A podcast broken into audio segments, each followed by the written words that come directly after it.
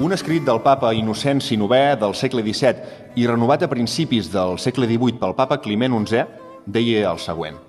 La música és totalment perjudicial per a la modèstia que correspon al sexe femení, perquè les dones es distreuen de les funcions i les ocupacions que realment els corresponen.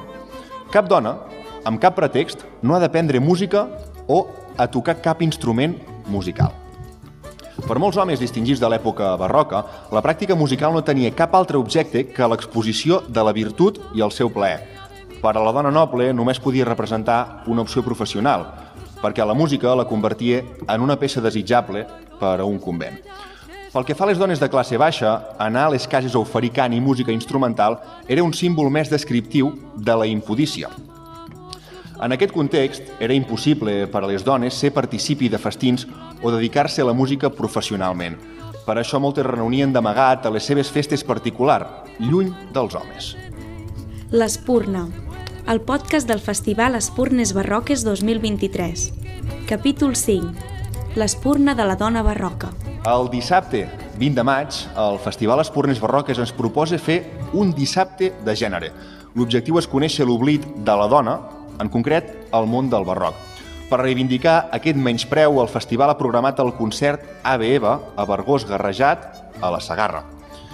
I també, a banda d'aquest concert, dues propostes a Súria, al Bages. Per una banda, una conferència de la Maria Garganter i per l'altra, l'espectacle Plebeios Bailes. Anem fins al nord del Bages per descobrir el paper de la dona barroca de carrer dins del món de la dansa i de la música.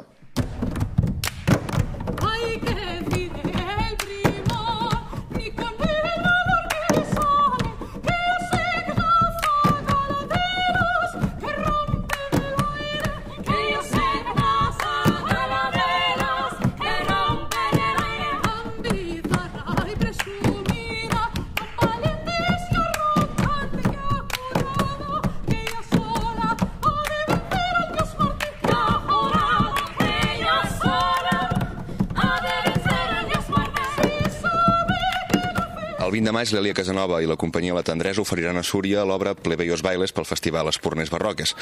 L'Elia n'és la directora musical. Al vostre web, Elia, dieu que amb aquesta proposta voleu donar a conèixer una part oblidada de la història, en concret del segle d'or. Quina? Volem donar a conèixer una part oblidada tant musical com eh, social i és eh, què feien les dones? On estaven les dones en aquella època, quina música eh, escoltaven, quina música feien, més que escoltar-la, feien elles mateixa, amb què es divertien, no? I això és el que, el que farem al concert.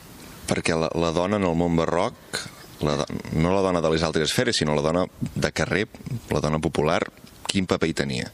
La, la dona plebeia, no? per això diu plebeios bailes, justament són eh, diferenciar de les danses, que eren les de la cort.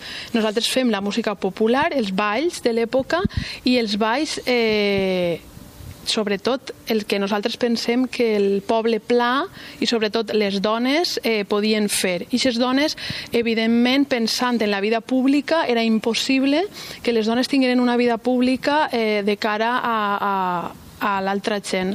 I aquestes dones eh, estaven en casa criant, cuinant, eh, portant tot, totes, el, totes les coses de la casa, llavors no tenien aquest moment de, de gaudir o de, o de fer música. I en aquest moment nosaltres ens plantegem també per un, eh, un article d'Ascensió Manzuela que parla sobretot de que els balls de l'època i, el, i la paraula aquelarre a voltes en, el, en les escritures es, es confonia i en, la mateixa, en el mateix text podia aparèixer eh, referit eh, a aquest ball de les dones, sobretot, com una aquelarre.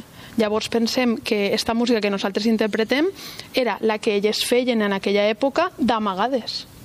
Clar, és que això que ara veurem eh, aquí al maig a la plaça del Poble Vell de Súria eren pràctiques clandestines, no? Totalment clandestines, el que nosaltres imaginem que feien i llavors hem agafat les obres més conegudes i, i més populars eh, que tenim ara de la música barroca. Eh, algunes d'elles reinterpretades amb, amb, per compositors i altres d'elles anònimes, que no sabem ben bé d'on podrien sortir. D'alguna manera teniu la intenció amb aquesta proposta de fer com una mica de justícia històrica? Bueno, la nostra justícia i el nostre, la nostra lluita no? que portem mm, prou de temps portant en la, la nova ola feminista i, i aquesta és una reivindicació també damunt de l'escenari de que sí hi ha dones que toquen instruments eh, que no són habituals, com per exemple pot ser la percussió o el contrabaix, que en aquest cas violone, eh, perquè cantants sopranos hi ha moltes, violinistes hi ha moltes, però per exemple eh, de corda polsada, en aquest cas guitarristes, eh, hi ha ben, ben poques eh, aquí a, a la península que jo puga eh, cridar per telèfon i que puguen vindre a fer un concert. Eh, violone hi ha també comptades amb una mà, eh, gambistes a lo millor hi ha un poc més, però hi ha altres instruments que són molt complicats trobar una dona referent que puga, que puga fer un concert. Llavors, sí, és, una, és un poc de justícia i també és molt important la referència cap al públic de que hi ha dones que toquen aquests instruments. Èlia, ja estaves entrant una mica en què és Plebeios Bailes. Explica'ns la proposta, doncs, que ens trobarem, música, teatre i dansa, què hi ha? Sí, és una posada en escena eh, un poc particular.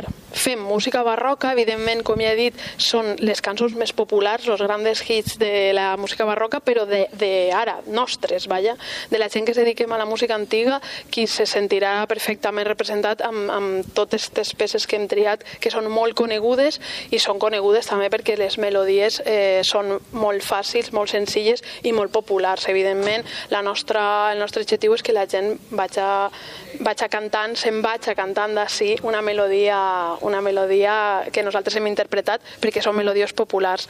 Però la posada en escena de, de la companyia Doctor Alonso és una posada en escena un poc particular perquè ells es dediquen a, a les arts vives, llavors eh, no és una proposta clàssica en ningú moment i jo penso que serà serà bastant sorprenent.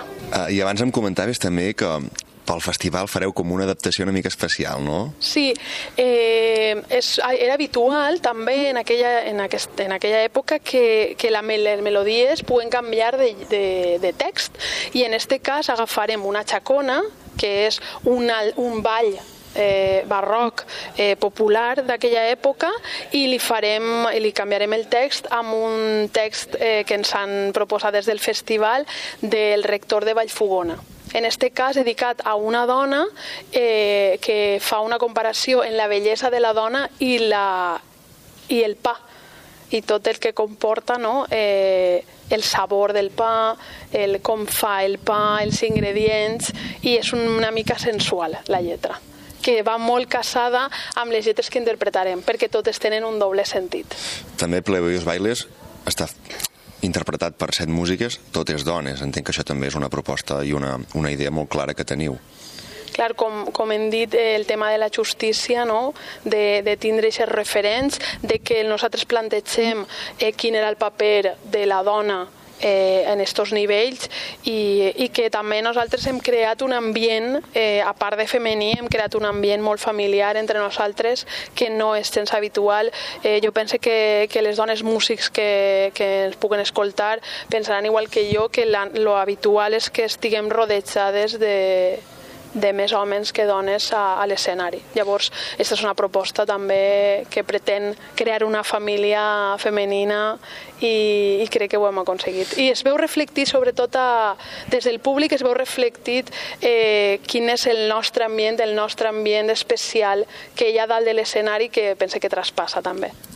Plebeios Bailes també és una proposta trencadora perquè aposteu per, per deconstruir el format habitual del concert de música barroca, no? I és un híbrid de música i interpretació alhora, oi? Sí, eh, com es diu, plebeios bailes i ha ball, però entre cometes, perquè ballem nosaltres mateix en algun moment, però el que més hi ha és una, una posada en escena, com dic, sorprenent, eh, que vol anar més enllà i que també té una, una doble lectura per el vestuari, que és el nostre, el, no, el nostre fort, no? fet per Jorge Dutor, que canvia durant l'espectacle per a, per a desprendre's d'una cosa antiga i passar a, a una cosa alliberadora. Per què és important que festivals com les Pornes Barroques contractin propostes trencadores, feministes, que aposten fermament per reivindicar, com la vostra? És important, espero que tots els festivals ens, ens contracten perquè està pensat l'objectiu d'aquest espectacle, a part d'esta part no, d'ensenyament de, de, mostrar el feminisme i d'esta part reivindicativa té una part molt, molt forta que pense que és el fet de que la música barroca eh, puga ser una música divertida, una música que no sempre tenim este, este pensament de que és una música avorrida, d'església, etc. Eh, fiquem damunt l'escenari i fiquem una proposta d'una festa d'una festa de l'època i d'una festa que podria ser perfectament ara mateixa perquè la música és molt ballable. Aquesta de Plebeios Bailes és una proposta adulta, diguem, pel públic general, però també en teniu una de juvenil que connecte aquesta reivindicació amb la música i el context actual, no? Correcte. Farem també algunes, algunes actuacions a instituts d'aquí de, de la zona, eh, presentant plebeios bailes didàctics, que, que la proposta que fem és que cada cançó, la temàtica de cada cançó, eh, trau un tema d'actualitat per, a, per als més jovens, com pot ser l'amor, el desamor, com gestionen ells eh, el desamor, sobretot, eh, com gestionen que es parle d'ells a les xarxes socials, perquè tenim una obra que parla concretament de la història d'una dona considerada no, eh, l'amant del rei i llavors eh, la gent eh, fa el cotilleo d'aquella persona. I, i nosaltres parlem amb els jovens eh, com veuen ells no, que, que es parle d'ells a les xarxes socials. També tenim una altra, una altra obra que, que, amb el que fem ritmes en ells, amb què, amb què mostrem diferents dones de diferents cultures, de diferents eh, aspectes, eh, pensem que, que hem tret cada tema d'actualitat i sobretot fem un, eh, un paral·lelisme no? amb les lletres indescifrables de l'època i les lletres indescifrables que es podem trobar ara, tant eh, masclistes eh, com sexuals, com intel·ligibles a nivell de, de llenguatge, no? com pot ser la Rosalia, el Tereyaki, eixe que no, ningú sap què diu, eh, el comparem amb, una obra nostra que tampoc sabem molt bé, sense el context que podria significar a l'època. Perquè al vostre parer, quin tractament fa de la dona la música popular actual?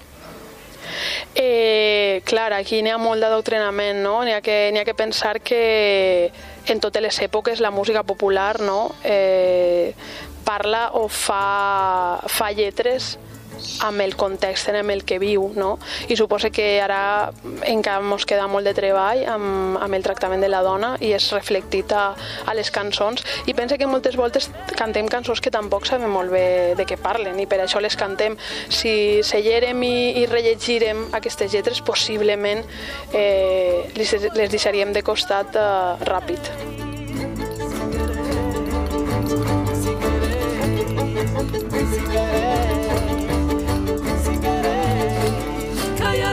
Cae abajo, vida muerto me tenéis. Las hierbas se vuelven flores donde vos ponéis los pies. Mi querida verdad es que causándome pasión, si queréis que os enrame la puerta, vuestros amores míos son. Cae arriba, cae abajo, vida muerto me tenéis. Las hierbas se vuelven flores donde vos ponéis los pies. Mi querida verdad es causándome pasión. Si quieres que os enrame la puerta, vuestros amores míos son.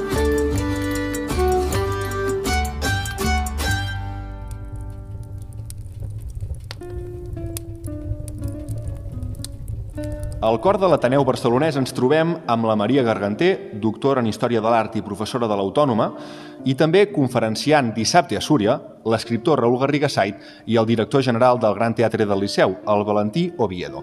Ells tres, patrons del festival, parlen del paper de la dona al món barroc. A veure, el paper de la dona en el món del barroc eh, no és molt diferent que el que va tenir en altres, en altres èpoques. Les dones sempre hi hem sigut, el que sí que és cert que actualment doncs, doncs bé, estem potser immersos eh, en un procés també per visibilitzar el quin havia estat el paper d'aquestes eh, dones en el passat.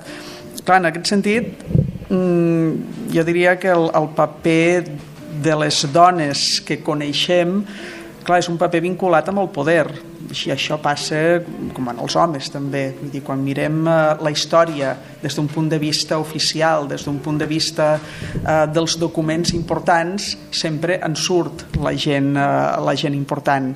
Eh, en aquest sentit, doncs clar, perquè en surti una dona doncs, de manera evident en la història eh, clar, d'entrada ha de ser una dona ha de ser una dona poderosa o ha de ser una dona rellevant. mm, poderosa doncs, com podria ser doncs, això, una dona, una dona noble, eh, una dona doncs, que hagués fet una deixa testamentària eh, important, per exemple, doncs, i en l'àmbit del festival, Mm, tenim doncs, eh, la senyora de Vallferosa, Maria Ferreres de Camporrells, eh, que deixa el lloc de Vallferosa als jesuïtes, que seran els que construiran l'església on avui doncs, sempre eh, s'acostuma a fer un dels concerts, eh, un dels concerts del festival. Uh, tenim dones molt potents, doncs, com la Juliana Morell a principis del segle XVII, que és teòloga, uh, traductora, acaba la seva vida uh, a Avinyó, però també tenim dones uh, anònimes que no ens, uh, no ens surten els documents, uh, però que que ens han deixat eh, testimonis de, de, vida, de vida quotidiana. Eh, i eren les dones doncs, que treballaven la terra, eren les dones que vestien a les Mare de Déus, eh, les dones que d'alguna manera governaven les masies o, o els masos eh, fins i tot eh, pel que fa a l'organització domèstica. Eh, i en definitiva vull dir també és eh, eh, submergir-nos en, el, en el barroc que és submergir-nos en aquestes, eh, en aquestes capes i anar descobrint també aquestes dones emergents que també reneixen com les cendres.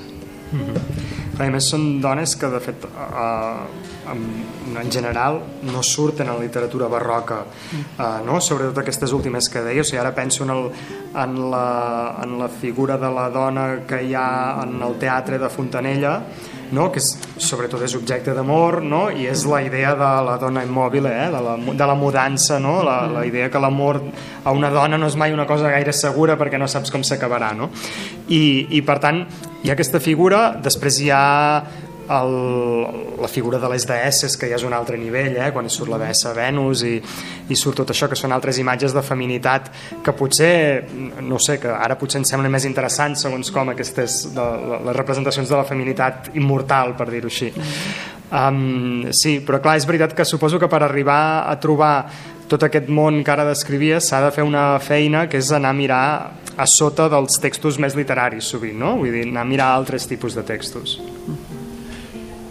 quan imaginem ara arribant a l'actualitat i volem comparar, en aquest cas, l'art, la música eh, eh, de la dona del barroc i ara, i podríem arribar a pensar eh, que passats tants segles tot ha canviat tant, de cop i volta podem arribar a veure que, per exemple, eh, ara tot just estrenarà la segona òpera d'una dona al Gran Teatre del Liceu.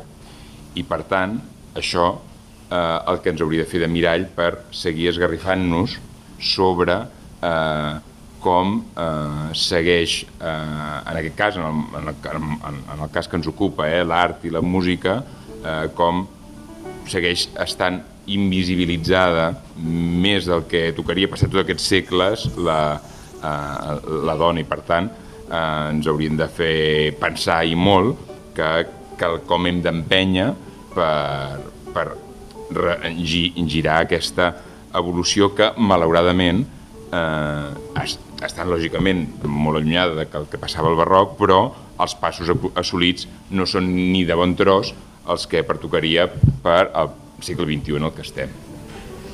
Sí, sí, de fet, eh, un text fonamental, podríem dir, allò per, eh, per la història de l'art en clau feminista, és el text de Linda Nochlin, eh, perquè no hi ha hagut grans dones artistes, eh, parla, parla d'això. No és que les dones no hi hagin, no hi hagin sigut o no hagin uh, fet art. Fins i tot en l'art català tenim constància d'alguna dona, però no havien tingut simplement les mateixes oportunitats, eh, ni, ni de formació, eh, ni socialment, ni, ni les estructures idònies. Tanquem l'episodi de Plebeios Bailes aquí al Santuari del Miracle amb el director del festival, el Josep Barracons, que s'està servint la barroca, precisament, la cervesa del festival, que la podeu comprar als concerts i les propostes d'aquesta edició. I estem aquí perquè ens fas una altra proposta del festival que també se centra en el gènere, no? Sí, i mira, uh, el gènere també està molt present a, a la barroca, um, el gènere i, i, i la localització. La barroca és feta a Súria, aleshores els plebeios es podran mm. escoltar a Súria. Um, i és de gènere, la barroca es diu la barroca, igual que la cerveseria es diu la pirata. Per tant, aquest gènere el tenim inclòs fins i tot en, en, en el brindis. Brindem, Va, som-hi. Som uh, doncs us proposaria fer un, fer un dissabte de gènere gairebé, perquè al matí a Bargos Garrejat, que és una església on hi ha un trempelei, el, el retaule en comptes d'estar esculpit, com que no tenien misses per pagar-lo, doncs el van fer pintat, i és un retaule magnífic, a l'església de Santa Magdalena. Per tant, per una proposta de gènere, quina millor advocació que Santa Magdalena amb tota la vida a, a, a interessantíssima d'aquesta d'aquest personatge com és Santa Magdalena. Doncs eh, a Santa Magdalena de Bargós Garrejat hi haurà un espectacle que es diu Ave Eva, amb, amb aquesta proposta al, al voltant de la, de la feminitat. La tindrem present en les compositores, la tindrem present en, en, en els textos eh, i també la tindrem present en la gastronomia perquè hi haurà una fornera, que és la fornera de Biosca, ella és com molt activa a xarxes, a més a més, eh, amb el seu partasà, i tindrem els vins de l'Eva de Comalats. Aleshores serà una proposta molt xula, i si, i si voleu vincular doncs, tot el dissabte amb aquesta proposta de gènere, hi ha un abonament precisament que per, per unir els dos concerts, més eh, tindrem la Maria Garganter abans del concert de Plebeios Bailes fent una conferència eh, parlant de quin és el paper de la dona en el barroc. Aleshores, la Maria, que és patrona de la Fundació, i és, és, és, no només és erudita, sinó que és sàvia i és, i és generosa amb tot allò que explica, tenir-la parlant d'aquesta presència de la dona en el barroc i fer-ho un tas de mels, amb aquest element cooperatiu també de les abelles, que també és un animal del qual parlem en femení, doncs em sembla que és un cap de setmana o un dissabte molt vinculat al gènere que pot quedar Eh, pot ser d'allò més, més gustós i revelador, també.